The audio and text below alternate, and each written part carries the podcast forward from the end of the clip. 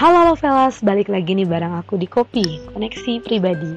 Ya, sebelumnya thank you so much buat semua fellas yang udah nanya-nanyain kapan Kopi publish, kapan Kopi episode baru. Dan sebelumnya aku juga mau say sorry buat semuanya, buat fellas semuanya kalau aku kali ini terlambat lagi ngupdate atau publish podcast Kopi sebenarnya uh, minggu kemarin tapi karena ada satu dan lain hal filenya korup dan akhirnya aku harus take recording lagi dan puji Tuhan today I show you guys dan semoga setiap yang aku bagikan di kopi terus menjadi berkat buat kita semua. Tetap intim terus sama Tuhan ya. Di podcast episode aku yang ke-12 kali ini aku mengangkat sebuah tema it's okay to not be okay ya mungkin familiar nih terdengar buat Vela semuanya yang ngerti-ngerti drakor gitu kan. Tapi purely ini bukan karena diambil dari judul drakor enggak. Tapi benar-benar apa yang aku alami dan apa yang mungkin dari semua Velas alami semasa hidup Velas semuanya. Pasti semua Velas pernah ngalami hal yang sama. Dan oke okay, uh, eh, kita santai aja dan aku akan mulai berbagi buat Vela semuanya. Semoga terus menjadi berkat ya. Setiap manusia punya karakter, sikap, sifat, bahkan status, pergumulan, perjalanan hidup yang sangat berbeda-beda. Tapi ingat bahwa ada satu hal yang sama yang Tuhan berikan untuk setiap manusia, yaitu adalah waktu. Iya, waktu. 24 jam waktu hak yang sama untuk setiap manusia dan 24 jam pula Tuhan punya hak kedaulatan dan rencana yang berbeda untuk setiap hidup manusia. So, pertanyaannya, masih suka ngeluh untuk waktu yang seakan kayaknya kurang? Masih mau nuntut hak lebih sama Tuhan? Tuhan kok gini sih? Tuhan kok gitu sih? Kok aku jenuh? Kok aku gelisah? Kok gak sesuai sih Tuhan? Kok buang-buang waktu aja sih Tuhan? Kok sepertinya kehendak Tuhan tapi kok kayaknya nggak berjalan dengan baik gitu. Atau tahu begini aku nggak kenal dia tahu begini aku nggak mau memulai atau tahu begini aku nggak mau jalan ini. Dan ada berbagai macam hal keluhan dan tuntutan kita dari hal sepele sampai hal yang serius. Ingat Vela, sadarkah kita nih setiap manusia terlalu banyak menuntut Tuhan? Tanpa kita saat tanpa kita sadar apa yang seharusnya kita berikan kembali sama Tuhan. Tanpa kita sadar seharusnya kita bertanya sama Tuhan, Tuhan, apalagi yang aku akan lakukan untuk Engkau lewat setiap kepercayaan, talenta, pelayanan, dan apa pun itu yang Tuhan berikan buat kita. Satu hal, Velas, dia hanya inginkan untuk setiap kita bersyukur. Garis bawahi di bold, bersyukur. Untuk setiap kejadian dahsyat yang Tuhan ciptakan untuk masing-masing kita. Belajar dari sosok dia, untuk dia bagi kemuliaan namanya. Podcast kopi aku ke-12 kali ini It's okay to not be okay. Satu hal yang mungkin sering kita alami. Emosi, emosi negatif yang mungkin sangat tidak ingin diakui oleh kebanyakan orang Kristen zaman sekarang. Menarik ya. Aku akan mengupas beberapa hal dalam sharing aku kali ini. Ada yang namanya positif toxic gitu kan kalau negatif udah pasti toksik gitu. Ada banyak hal. Tapi yang menarik adalah emosi negatif yang mungkin di antara kita juga pernah mengalaminya. Bukankah setiap kita sering kali ngerasa berdosa, imannya lemah, kalau kita sedang terpuruk, sedih, nangis, takut, bergumul dalam hal apa pun, marah, mempertanyakan Tuhan, terus alami kegagalan-kegagalan dalam hidup apa pun itu yang buat kita ngerasa kok gini sih Tuhan? gitu loh. Sadar atau nggak sadar kebanyakan kita tuh lebih senang mendengarkan khotbah yang mendorong kita selalu berkemenangan dalam Tuhan. Benar atau tidak? Bahkan kesaksian-kesaksian kita dengar aja kalau nggak di pertemuan gereja atau nggak di komsel-komsel. Semua hal-hal yang positif yang kita bisa dengar kayak gitu. Nah ya yang uh, masalahnya terjawab lah, terpecahkan dengan baik atau doanya yang terjawab dan lain sebagainya. Padahal pada kenyataannya banyak yang belum yang pada kenyataannya banyak yang belum Tuhan jawab karena belum waktunya Tuhan. Itu klise sih jawabannya karena belum waktunya Tuhan. Tapi ada satu hal yang aku mau tekankan buat kita semua, buat kalian semuanya. Kenapa mungkin Tuhan belum jawab? Kembali kita koreksi relasi kita dengan Tuhan. Kembali kita koreksi hubungan kita dengan Tuhan. Hubungan doa kita dengan Tuhan. Hubungan pribadi kita dengan Tuhan. hidup kita sangat perlu diisi dengan namanya menu makanan rohani yang bisa mempersiapkan kita untuk menghadapi masa-masa sulit. Bayangkan ya Velas, kalau kita cuma berpikir bahwa kehidupan Kristen itu pasti selalu jaga Tuhan, lancar, berhasil. Mungkin kita nggak tahu gimana harusnya merespon saat hidup kita apa ya sedang dalam masalah, bencana dan kehilangan mungkin yang bertubi-tubi masalah yang menumpuk. Apa yang harus kita lakukan ketika realita kehidupan itu berbalik, eh, berbanding terbalik dengan pemahaman teologis kita? Pertanyaannya buat salah semuanya. Sebagian besar di antara kita tuh nggak sering hidup di dalam namanya perubahan. Jadi ada orang yang bertahun-tahun stagnan di situ-situ aja gitu loh. Bahkan puluhan tahun mungkin. Contoh dia nggak pernah pindah dari pekerjaannya, nggak pernah pindah dari rumahnya. Terus menjalani kerutanan yang sama aja day by day. Tetapi di tengah menjalani hidup yang seolah-olah setiap harinya rutin, stabil,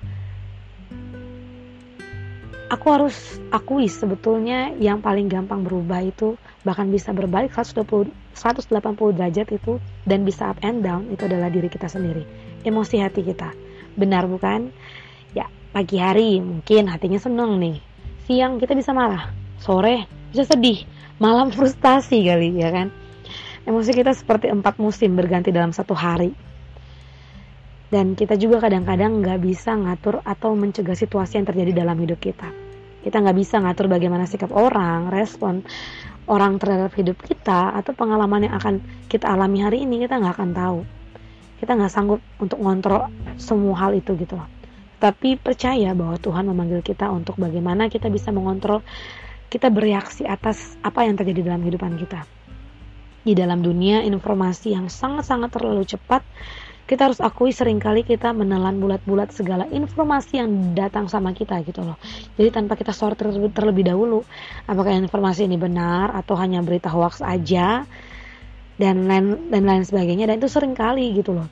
Cepat juga mempengaruhi hidup kita dan bahkan merubah hati kita, mood kita gitu loh. Kita kehilangan momen-momen yang apa ya? Pay attention terlebih dahulu gitu loh atas segala hal yang kita terima diam dan silent atau di uh, diam atau silent itu menjadi hal yang asing buat kita sekarang air-air ini. Padahal pada waktu uh, membaca Mazmur kita ngelihat di tengah kegoncangan hidup, di setengah situasi kesulitan hatinya si pemazmur, kalimat firman Tuhan senantiasa juga ngingetin kita dalam Mazmur 46 ayat 11 uh, eh, diam dan tenang, be still and know that I am God. Aku suka banget sama ayat ini bahwa tenang aja, diam aja. Kita tahu kok Tuhan itu adalah Tuhan kita yang dahsyat. Filipi 4 ayat 6 sampai 7. Di sana tentang Paulus yang memberikan satu apa ya, kontras yang luar biasa.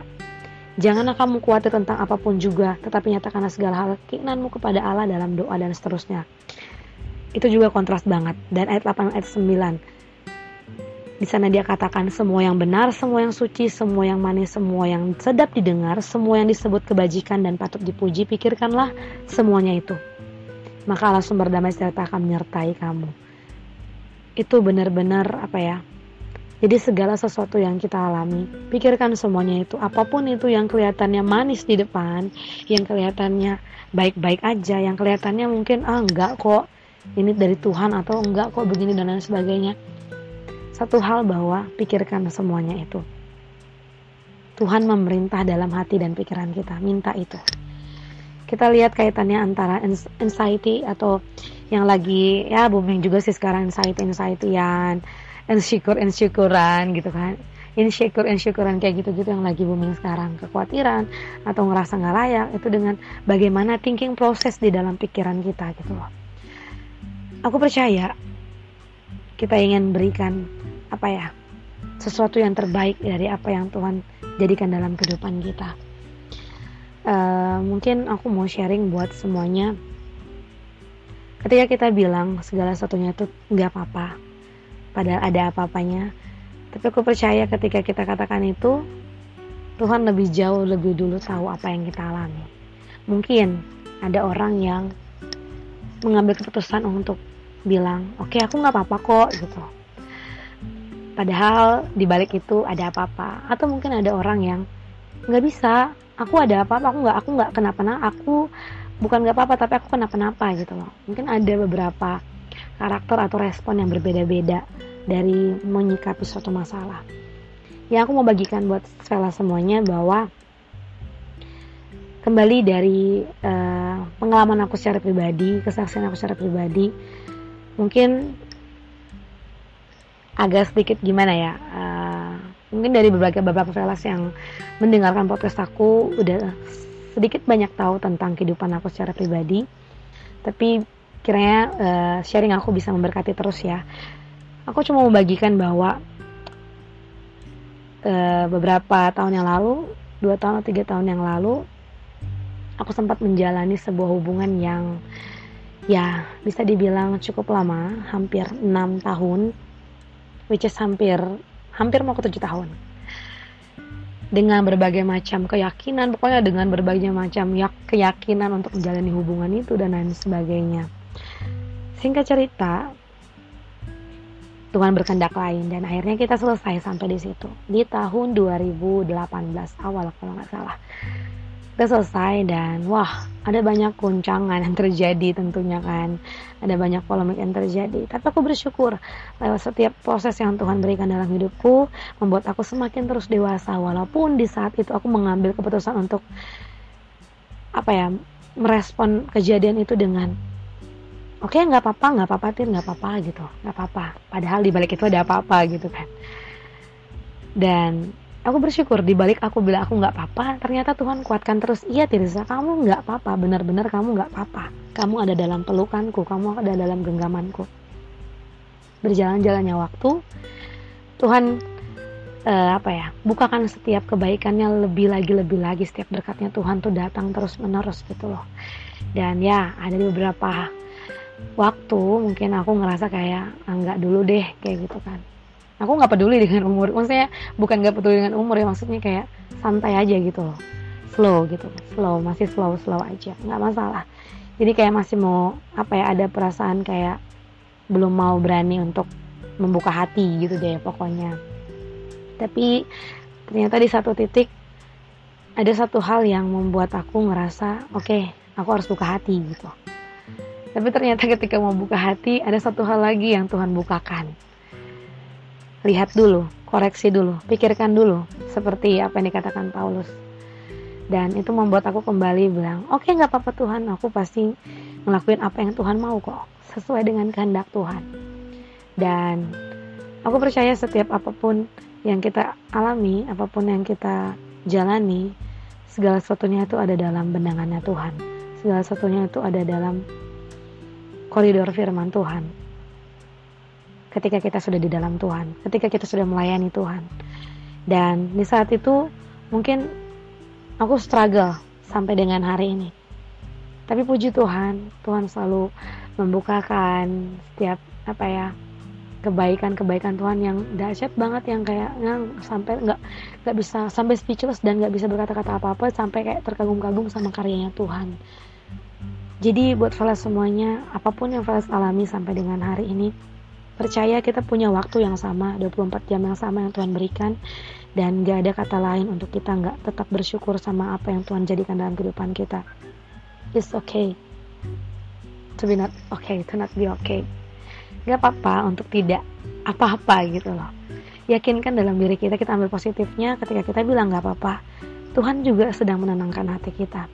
Gak apa-apa nak, tenang nak, aku ada bersama dengan kamu apa yang kita hadapi, tetap semangat. Aku mulai struggle dari hal itu sampai dengan detik ini, sampai dengan aku membuka podcast ini, itu semua karena Tuhan. Dan aku bersyukur ketika aku menjalani semuanya, banyak orang yang terberkati. Itu poin pentingnya, itu goals aku. Dan kiranya setiap podcast-podcast yang aku publish banyak yang mendorong buat Vela semuanya juga untuk terus berkarya lewat apa pun itu. Dan percaya bahwa Tuhan gak pernah lepas tangan kita. Tuhan gak pernah lepas kita sedikit pun dari dari tangannya. Terkadang kita yang melepas dia. Hal yang terus terbesit dalam pikiran kita bahwa Tuhan itu baik. Tuhan itu baik dan teramat baik. Filipi 4 ayat 6 bicara mengenal mengenai hal kekhawatiran. Jangan khawatir, ada dalam konteks relasi yang kurang baik dari dua orang disebutkan namanya Rasul uh, Rasul Paulus menyebutkan namanya Yudia dan Sintike dalam Filipi 4 ayat 2. Kita lanjut setelah aku sharing tadi aku akan lanjut membahas tentang uh, beberapa hal untuk membangkitkan semangat fala semuanya, untuk membuka pandangan fala semuanya, kalau segala sesuatunya itu ingat, is in control of God. Segala sesuatunya itu dalam kendalinya Allah, dalam kontrolnya Allah. Ya, kembali tadi ke Paulus ada menyebutkan dua nama yaitu Yudia dan Sindika. Dengan menyebutkan nama mereka berarti ini adalah dua orang yang dua orang wanita yang punya peranan penting dalam jemaat Filipi. Kita nggak tahu persis siapa mereka, tapi kita bisa menduga dari rusaknya hubungan mereka berdua menjadikan komunitas jemaat Filipi ini terpengaruh. Lalu Paulus encourage nih, encourage mereka supaya bisa sama-sama sehati sepikir dalam Tuhan, walaupun ada banyak sekali perbedaan di antara mereka. Di dalam konteks itu, Paulus keluarkan kalimat firman Tuhan kepada jemaat di Filipi untuk gak khawatir, gak gelisah hatinya, karena kekhawatiran itu jadi efek, efeknya itu ke atas gitu loh. Dan Paulus memberikan nasihat untuk membawa semua itu di dalam doa dengan ucapan syukur lagi, lagi, dan lagi. Seperti kesaksian aku tadi, ucapan syukur aja, gak apa-apa untuk gak papanya Tuhan itu gimana gitu loh. Talk with God in prayer, selalu doa, apa ya berkata-kata dengan Tuhan. Ini adalah pemberesan kalau dari pribadi aku sendiri ya, pemberesan secara vertical relationship yang sangat perlu, sangat penting untuk kita lakukan. Dan nasihat yang kedua adalah bagaimana pemberesan dengan diri sendiri dan dengan orang lain di ayat 8 dan 9. Aku ambil contoh aku sendiri. Aku bereskan diriku sendiri sampai sehancur-hancurnya hatiku sama Tuhan dan aku bereskan juga dengan orang lain. Wah, itu benar-benar clear sekelirnya Tuhan kayak baharui lagi hati aku gitu loh.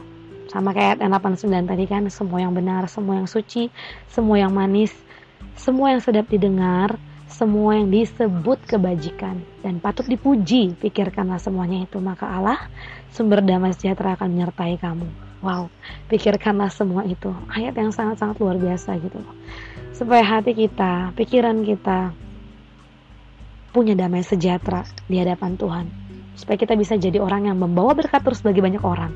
Ketika kita percaya deh, ketika kita udah beres dengan diri kita sendiri, ketika kita udah beres dengan orang yang mungkin membuat kita sakit, apa ya, buat kita nangis, sedih dan kayaknya terpuruk banget gitu loh. Udah lupakan dan bereskan itu supaya kita terus bisa membawa berkat buat banyak orang.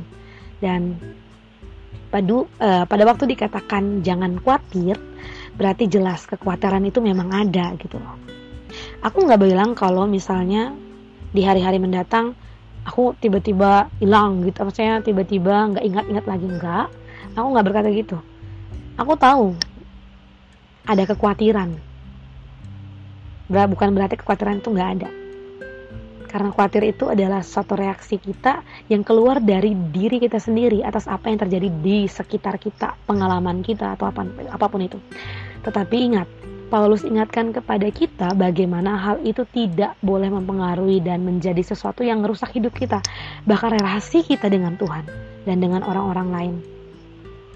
Dalam Markus 7 ayat 21 sampai 23 Yesus mengatakan, sebab dari dalam dari diri dari hati orang timbul segala pikiran jahat, percabulan, pencurian, pembunuhan, perzinahan, keserakahan, kejahatan, kelicikan, hawa nafsu, iri hati, hujat, kesombongan, kebebalan. Semua hal-hal jahat ini timbul dari dalam menajiskan orang. Ketika pikiran kita penuh dengan toxic thinking, itu akan terekspresi juga keluar dengan menghasilkan toxic reaction juga kan. Reactionnya pasti toxic juga. Ketika pikirkan pikiran kita penuh dengan faulty thinking, pikiran-pikiran artinya pikiran-pikiran yang keliru, salah kayak gitu. Itu apa? Akan hasilkan apa? Faulty perception juga, faulty reaction juga dalam hidup kita. Aku mau baca buku Gary Skezero, judul bukunya The Emotionally Healthy Woman. Nah itu memberi tiga cara berpikir faulty thinking yang sering kali terjadi. Aku bagian yang pertama. Yang pertama itu all or nothing. Thinking apa ya? Berpikirnya kita tuh yang di pola pertama ini berpikirnya mengeneralisasi mengeneralisasi semua hal terhadap dalam hidup kita seperti itu. Jadi kita jatuh di pola pikir yang hitam dan putih, hitam putih gitu loh. Nggak hitam, nggak putih, tapi dia abu-abu. Kalau nggak begini ya pasti begitu. Kalau nggak begini pasti begitu, begitu. Nah dalam Alkitab ada dua orang yang menyatakan pikiran seperti ini. Yang pertama, dengar baik. Salah satu murid Yesus bernama Nathanael. Jadi waktu pertama kali nih si uh, Nathanael ini diajak Filipus untuk menjumpai Yesus, Filipus mengatakan begini, kami telah menemukan dia yang disebut oleh Musa dalam kitab Taurat dan oleh para nabi yaitu Yesus, anak Yusuf dari Nazaret. Nah, respon Nathanael dalam Yohanes 1 ayat 45 sampai 46, respon Nathanael berkata kepadanya, "Mungkinkah sesuatu yang baik datang dari Nazaret?" Artinya, kita pahami sama-sama sama ya Velas. Artinya reaksi Nathanael ini seolah-olah mengatakan bahwa Nazaret. Responnya kayak Nazaret memangnya ada orang baik dari Nazaret? Gitu loh. Jadi berarti kalau udah mendengar sebutan nama orang Nazaret berarti orang itu gak baik. Karena uh, apa ya sejarahnya di Nazaret itu banyak orang-orang yang gak baik kayak gitu loh. Di kota itu. Itulah thinking yang over generalize. Segala sesuatunya di generalisasikan gitu loh. Satu orang lagi ada dalam perjanjian lama yaitu Yakub. Pernyataan Yakub dalam terjemahan bahasa Indonesia mungkin nggak terlalu kelihatan apa nih maknanya. Nah, jadi kalau kita baca firman Tuhan, kita harus cari nih nggak hanya terjemahan apa ya TB doang, terjemahan baru doang, nggak, tapi terjemahan lama, uh, King James Version, NIV atau apa pun itu kita cari yang mendekati supaya kita paham gitu loh, ini maksudnya apa gitu. Di dalam Kejadian 42 36. Dan Yakub ayah mereka berkata kepadanya, "Kamu membuat aku kehilangan anak-anakku.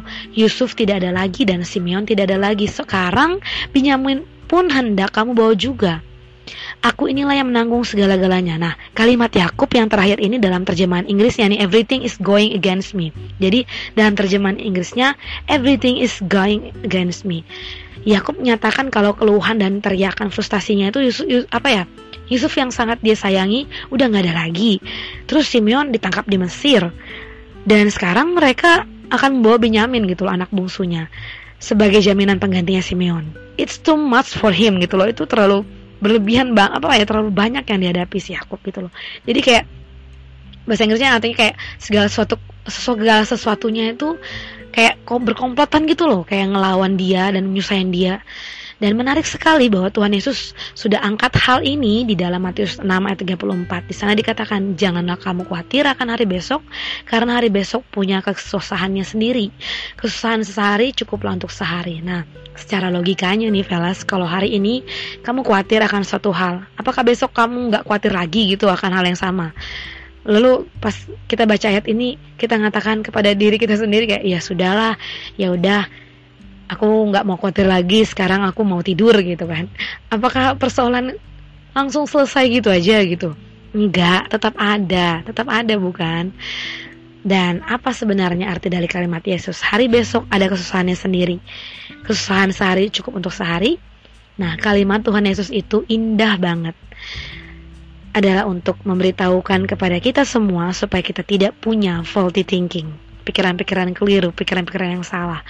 Dan pada waktu kita susah dan khawatir hari ini, nggak berarti kemudian kita berhak untuk mengeneralisasi, mengeneralisasi the whole days in my life seperti itu. Jadi nggak semuanya kita general generalisasikan agak belibet nih Velas ya kita santai aja jadi Yesus tuh apa yang ngatakan khawatir itu gak akan muncul dalam hidup kita tuh enggak. Yesus nggak pernah mengatakan bahwa tidak akan ada kesulitan dan persoalan dalam hidup kita atau gimana gimana gimana. Enggak, tapi yang Yesus inginkan adalah kita jangan khawatir dan berpikir kalau hari ini saya mengalami kesusahan, maka seumur hidupku akan tersusah. Pikiran ini salah, pikiran itu salah. Sehingga banyak kali kita jatuh kepada faulty thinking kalau Tuhan memberkati kita, kalau Tuhan sayang sama kita, kita nggak akan diberi kesulitan persoalan. Wow, nggak begitu, Velas. Kalau Tuhan sayang sama kita, pasti semua jalan lancar. Nggak begitu.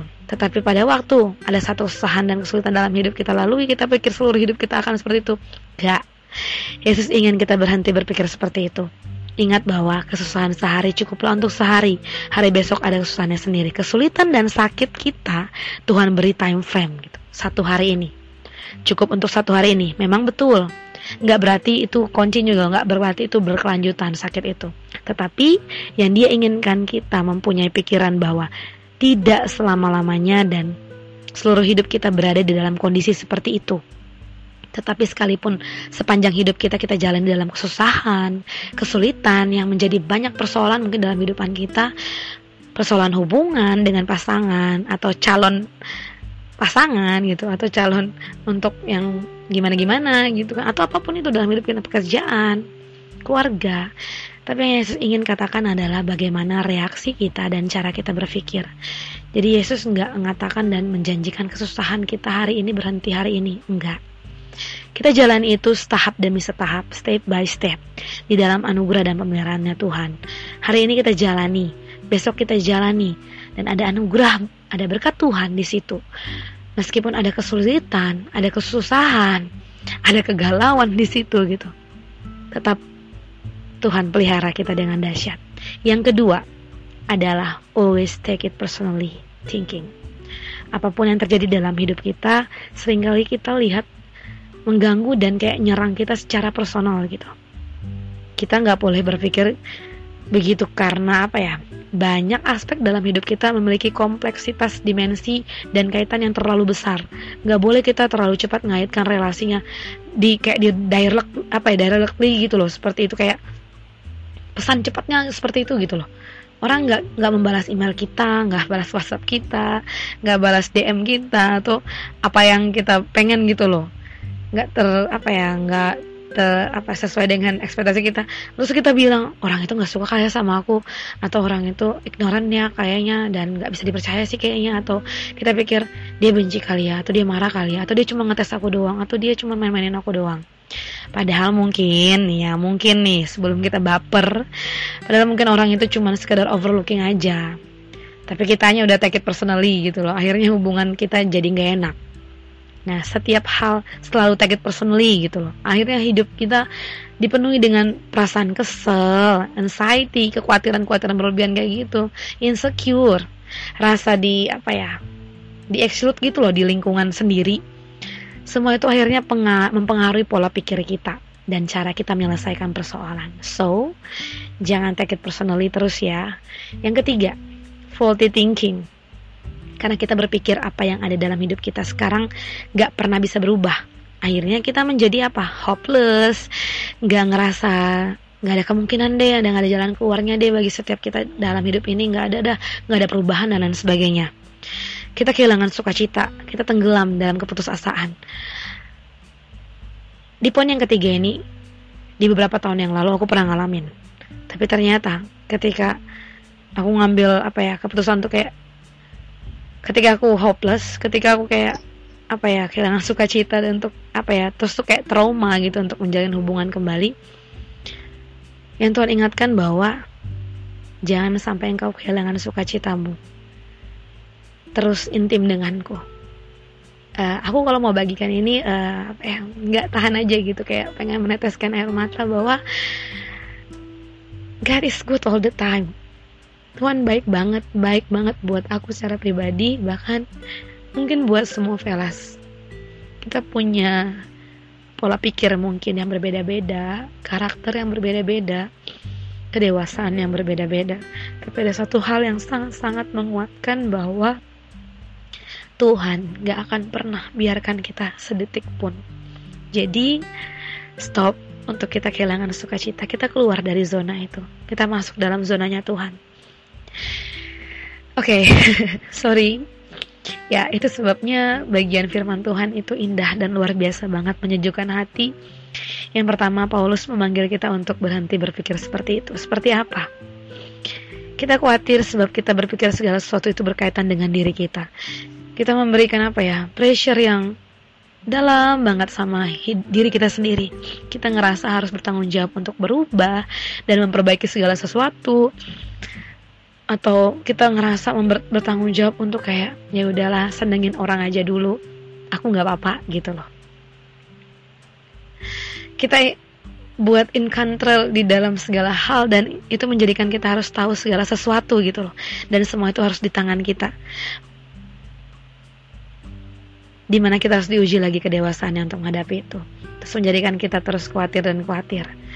Tidak pernah lepas kita selalu mau baca situasi yang terjadi apa yang akan terjadi ke depan bagaimana mengantisipasi hal-hal yang di dalam persoalan kita bukan berarti sebagai anak-anak Tuhan kita nggak boleh berencana tetapi kembali lagi kita anak kita berencana tapi kembali lagi ke firman Tuhan kedaulatan Tuhan yang terrealisasi dalam kehidupan kita. Tetapi apa yang sudah kita atur dan kita rencanakan pada waktu kita taruh dalam konteks dan situasi, kita nggak punya kekuatan untuk mengetahui bagaimana hasil akhirnya. Benar bukan? Apa yang bisa dipersiapkan, itu tanggung jawab kita. Setelah itu, bagaimana hasilnya, bukan dalam kontrol kita lagi. Dan di situ kekhawatiran tidak perlu menghantui kita lagi. Kita dipanggil Tuhan untuk memikirkan, merencanakan, bahkan mempersiapkan baik-baik apa yang bisa kita lakukan ke depan. Ada rencana jangka panjang, ada rencana jangka pendek.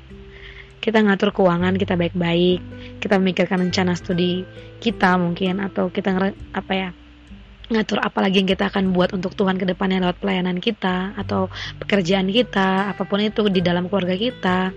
Selebihnya kita nggak bisa apa-apa Velas. Nggak bisa apa-apa.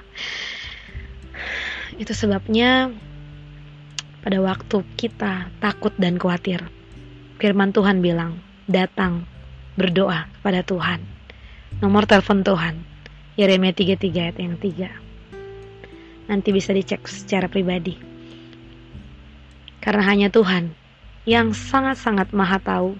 Hanya Tuhan juga yang atur, hanya Tuhan yang take it kontrol hidup kita.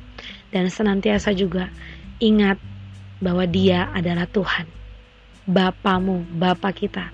Karena Yesus berkata, Bapa manakah yang memberi batu kepada anaknya jika ia meminta roti? Atau memberi ular jika ia meminta ikan? Jika kamu yang jahat tahu memberi pemberian yang baik kepada anak-anakmu, apalagi Bapamu yang di sorga ia akan memberikan yang baik kepada mereka yang meminta kepadanya. Matius 7 9 sampai 10. Berkali-kali Yesus mengatakan, "Jangan khawatir akan hidupmu, jangan khawatir." Aku ingat bahwa burung di udara aja Tuhan pelihara. Dia tidak menabur, dia tidak menuai. Dia tidak mengumpulkan benih dalam lumbung. Tapi dia diberi makan oleh Bapa kita yang di sorga. Bukankah kita jauh lebih dari burung-burung itu? Bunga-bunga di ladang aja.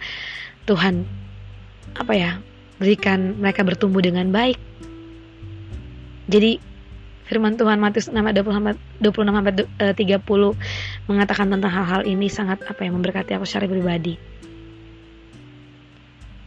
apalagi yang kurang yang Tuhan berikan dalam kehidupan kita apalagi yang kurang Tuhan beri ilustrasi apalagi yang kurang untuk Tuhan menenangkan hati kita apalagi kekuatan yang perlu dia perlihatkan untuk menyatakan ke kita nih bahwa Tuhan itu bukan Allah yang tidak atur dan kontrol hidup kita. Kenapa kita sering khawatir? Karena kita kebanyakan gak percaya sama firman Tuhan. Cuman mengamenkan tapi kita gak percaya. Yang kedua, kita punya tugas dan tanggung jawab. Apa yang kita isi dalam pikiran kita. Paulus bilang pikir renung taruh dan apa ya di dalam pikiran kita karena cuma dengan pola pikir itu kita nyingkirkan toxic thinking dari pikiran kita. Buang semua itu dan Alkitab mengatakan apa yang baik, benar, suci, adil, manusia dan sebagai e, manis dan sebagai bagainya itu, pikirkanlah semuanya itu. Keluar dari mulut kita, keluar dari tingkah laku kita, keluar dari ucapan kita. Pada waktu kita terus mengeluarkan kalimat yang negatif, yang tidak baik, itu pasti keluar dari hati kita yang belum di yang belum di apa ya keluarin racunnya. Keluar dari negative thinking dalam proses pikiran kita mulai hari ini ubah cara kita berpikir, perbaharui pikiran kita dengan hal-hal yang baik, benar, yang adil, yang suci dan seterusnya itu itu yang kita pikirkan hari-hari ini, yang kita keluarkan. Fokus pikiran kita untuk belajar melihat apa yang baik dari orang itu ketimbang keburukannya. Toxic thinking harus di-replace dengan firman Tuhan yang indah, manis, baik, suci dan yang sedap didengar. Aku ingat satu moto Albert Einstein Quotesnya Albert Einstein mengatakan, Insanity is doing the same thing over and over again and expecting the same result. Jadi pada waktu anak kita ini berontak, jika kamu terus negur, ngeritik dia dengan kata-kata dan sikap yang sama dengan kalimat yang negatif, sinis, dan reaktif sama si anak ini, apakah dengan teguran yang sama tiap hari seperti itu, kamu bisa pikir bisa menghasilkan apa ya, different result, hasil yang berbeda? Jawabannya enggak. Tetapi pada waktu kita membawanya dalam doa, ubah cara berpikir kita kepada si anak ini dan kepada situasi yang terjadi dalam hidup kita contohnya bahwa itu dengan pikiran yang benar dan baik saya percaya aku percaya banget perubahan bisa terjadi karena perubahan itu mulai dari diri kita sendiri ingat baik-baik perubahan bisa terjadi karena perubahan itu mulai dari kita diri kita sendiri kita nggak bisa menghasilkan sesuatu yang berbeda dengan melakukan hal yang sama terus menerus terus menerus terus menerus nggak bisa situasi itu bisa cepat sekali berubah kondisi bisa cepat sekali berubah tapi ingat baik bahwa firman Tuhan tidak pernah berubah dari dulu sekarang bahkan sampai selama-lamanya dia tetap menguatkan kita. Tetap digenapi firmannya. Firman Tuhan memanggil kita hari ini untuk tidak berespons negatif terhadap segala sesuatu. Buang kebiasaan bersungut-sungut dan menggerutu. Jangan terus-terus mencari hal-hal yang negatif dari orang lain. Dia salah, dia keliru. Kok dia tega? Dia kurang ini, kurang itu. Dia perlu berubah dia perlu minta maaf dan sebagainya seperti dalam konteks relasinya Iodia dan Sintike. Tetapi mulai sekarang selalu berpikir yang baik, mulia, indah, manis, terus pikirkan itu. Dan di situ kita baru memiliki hidup yang menjadi berkat bagi banyak orang lain. Kita kita ngerasa terber, hidup kita memberkati diri sendiri dan kita memberkati orang lain itu luar biasa banget. Dan kiranya Bapak di sorga meneduhkan setiap hati kita masing-masing karena kita penuh dengan tantangan, kesulitan, problema yang kadang-kadang kita nggak dapat hindarkan terjadi dalam hidup kita. Tetapi hari-hari ini kita belajar bagaimana dipimpin oleh Roh Kudus untuk bereaksi dengan benar dan tepat. Kita bawa dalam doa terus-menerus, doa dan puasa. Kita bawa dalam hati kita untuk selalu melihat keindahan dan kebaikan yang ada dan yang akan terjadi dan kita senang apa ya terus menerus men, terus menerus memuliakan Tuhan di dalamnya kesimpulannya buat fellas semuanya terkadang kita ngerasa takut ketika menjalani hidupan kita. Atau mungkin kita sedang ngerasa iman kita sedang lemah. Tetapi percayalah Tuhan nggak akan membiarkan kita sedetik pun. Dia yang akan segera turun ke level hidup kita supaya kita kembali melihat bahwa ini semua adalah tentang kesetiaannya dia. Tuhan yang sempurna sudah menyelesaikan segalanya dengan sempurna bagi kita yang gak sempurna ini. Ingat baik, iman bukanlah kita yang berusaha untuk memegang Tuhan supaya tidak terlepas, enggak, melainkan tentang Tuhan yang tidak akan pernah melepaskan kita. It's okay to not be okay. Kiranya podcast aku kali ini memberkati kita semua dan share sebanyak-banyaknya agar kopi bisa memberkati lebih banyak orang lagi.